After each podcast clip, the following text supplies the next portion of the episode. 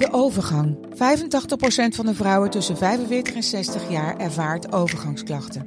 Klachten die kunnen leiden tot een verkeerde diagnose of langdurige arbeidsongeschiktheid. Wat kun je doen als je overgangsklachten ervaart? Hoe maak je dit bespreekbaar op je werk? En als jouw medewerker bij jou komt, wat kun je als werkgever dan doen? Sector Instituut Transport en Logistiek heeft een kennisplatform ontwikkeld waar jij terecht kunt voor tips en adviezen.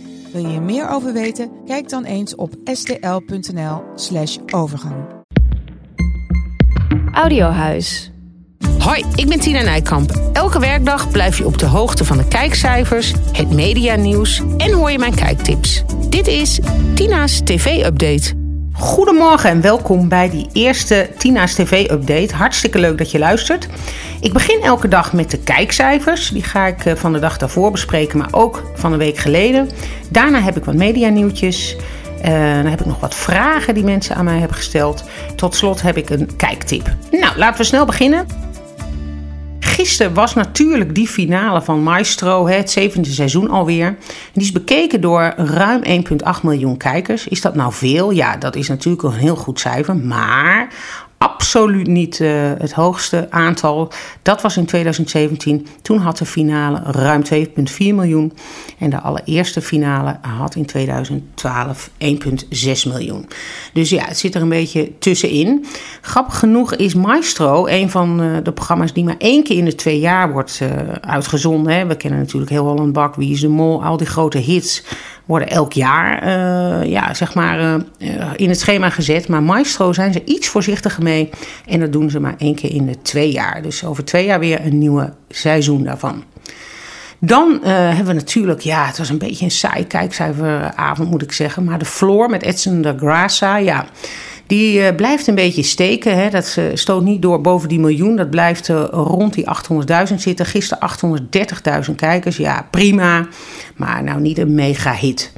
En No Way Back van Jan Verstegen op SBS6 blijft stabiel elke week rond die 600.000 kijkers. Gisteren 569.000 kijkers.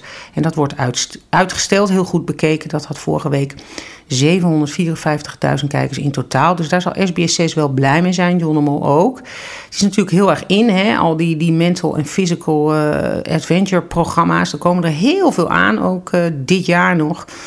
En uh, RTL 4 gaat bijvoorbeeld de Summit doen, de overwinning. Uh, nou, er komt nog van alles aan. En uh, ja, ik denk dus dat hier ook seizoen 2 wel van gaat komen. De grootste teleurstelling was voor Alberto Stegeman. Die haalde na No Way Back maar 395.000 kijkers met Stegeman op de bres. En dat is toch wel heel erg weinig. Alberto is natuurlijk eigenlijk ook nog de enige presentator die SBS6 heeft die onrechtprogramma's doet. Hè. SBS6 had er vroeger heel veel, uh, sowieso van die programma's, hè, van wegmisbruikers, red mijn vakantie. Nou, heel veel onrechtprogramma's, maar nu dus alleen nog Alberto Stegeman, want Kees van der Spek en Thijs Zeeman zitten inmiddels ook bij RTL 5. RTL 5 heeft eigenlijk dat een beetje overgenomen, hè. Uh, maar goed, is nu ook een teleurstelling nog in kijkcijfers voor Stegeman op de Bres. Dus het is te hopen voor Alberto dat Undercover in Nederland weer snel begint. Want het scoort doorgaans ook iets beter. En dan hebben we natuurlijk nog kijkcijferzekerheid Ruben Nicolai. Die was ook gisteren weer op tv. Hij is heel veel op tv, hè, met doet hij het of doet hij het niet ook. Net nog de Mask Singer gehad. En nu weer met beste kijkers. En die had 745.000 kijkers. En dat is ongeveer een beetje ietsjes hoger dan de talkshow die daar normaal op uh, zondag altijd uh, stond. En dit is ook tijdelijk, want die begint eind februari weer. Dus nou, ik denk ook wel dat dat fijn is. Want ik moet eerlijk zeggen, RTL 4 heeft wel alleen maar panel quizzen en panelshows en quizzen in het weekend.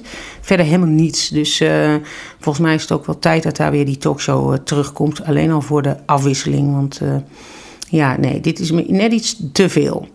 Dan hebben we nog de uitgestelde kijkers van afgelopen maandag. Nou, de slimste die vandaag aan de finale week begint, had toen net boven de 2 miljoen kijkers. Ja, dat is prima, hartstikke goed natuurlijk. Ja, welk programma scoort dat nog? Alleen het is net iets minder dan de uh, voorgaande twee seizoenen. En uh, goed, een hele grote kijkcijferverrassing was natuurlijk Big Brother, dat ook vorige week maandag begon. En dat uh, had bijna 700.000 kijkers. En dat is echt heel hoog voor RTL 5. En ook een veel betere start dan het vorige Big Brother. En het lijkt er toch wel op dat dit seizoen, ook al ging het, waren die kijkcijfers in de loop van de week weer wat minder, toch wel een goed seizoen gaat worden. Want ook die show, die live show dit weekend had 375.000 kijkers. Dat is gewoon heel netjes. En natuurlijk wordt dat online ook nog heel veel bekeken. Dus RTL zal wel heel erg blij zijn met die cijfers. Nou, er was natuurlijk ook een kijkcijfer teleurstelling.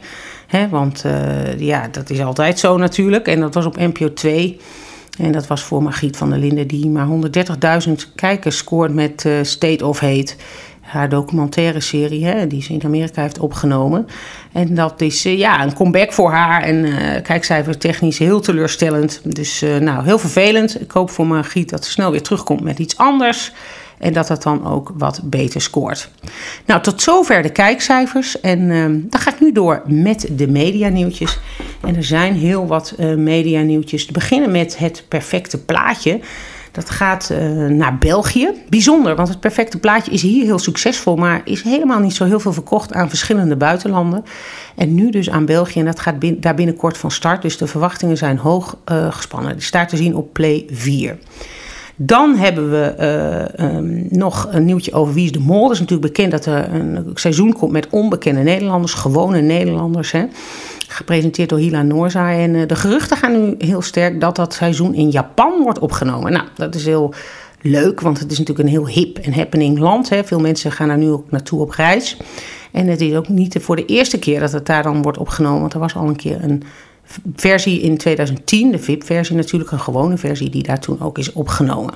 Dan heb ik nog een leuk buitenlands nieuwtje, want in Australië gaat de Australische RTL 4 Channel 9 een nieuwe quiz doen. En die quiz heet Tipping Point. Nou, hartstikke leuk, dat is verder niet bijzonder. Maar wat wel leuk is, of grappig, opvallend, is dat dat een quiz is helemaal rondom die machines die we kennen van de kermis. Hè, die muntenschuiversmachines, hè, die, uh, waar je dan een muntje in doet. En dan hoop je dat er heel veel muntjes naar beneden vallen. En dan kun je dat inwisselen voor een prijsje. Nou, Um, die muntenschuivermachine staat centraal in die quiz. Die quiz heet Tipping Point. Die komt oorspronkelijk uit Engeland en was daar succesvol. Nu gaat Australië dat doen. En vaak is dat ook wel een teken als dat in Australië op de buis komt, dat Nederland daarna ook toehapt.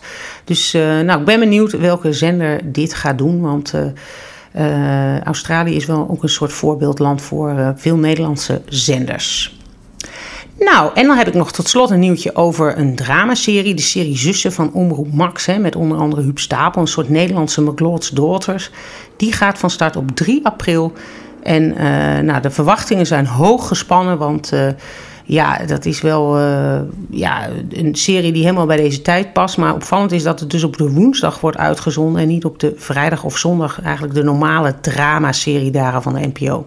Nou, heel benieuwd daarnaar. Dan heb ik nog de vragen. Uh, heeft NPO nieuwe vormgeving? Ja, ik heb dat ook gezien. Ik zag opeens bij de promo's dat ze nieuwe vormgeving hadden. Dus uh, volgens mij hebben ze nieuwe vormgeving. En uh, het zag er wel verzorgd uit, moet ik eerlijk zeggen. Dan de tweede vraag. Komt de Voice nou echt terug in 2025? Dat hoorde ik jou zeggen, is de vraag bij RTL Boulevard. Is dat dan echt zo? Ja, ik denk dat dat echt zo is. Um, omdat... Uh, ja, eigenlijk uh, ja, toch nog wel heel goed scoorde. En ik heb ook begrepen dat er zelfs ook artiesten worden gebeld om benaderd te worden. Wil jij eventueel weer in die rode stoel zitten? Dus ik denk wel dat dat na die rechtszaken tegen Ali B en Jeroen Riekbergen terugkomt. En dat we dan gewoon weer naar de Voice gaan kijken. Wel met een andere jury en helemaal anders. Maar um, het komt denk ik zeker terug. En dan heb ik nog een tip. Tot slot, de kijktip. Uh, vanavond is natuurlijk Arjan Lubach weer terug met zijn show. Maar ook uh, start uh, net 5 met de serie NCIS Sydney. Nou, dat is toch. hebben ze in ieder geval weer een keer een nieuwe serie. Dus nou, dat zijn mijn tips voor vandaag. Dit was de eerste. Ik hoop dat je het leuk vond. En tot de volgende keer. Dit was Tina's TV-update. Heb jij nou ook een vraag? Stuur me een berichtje via Tina Nijkamp op Instagram. Tot morgen!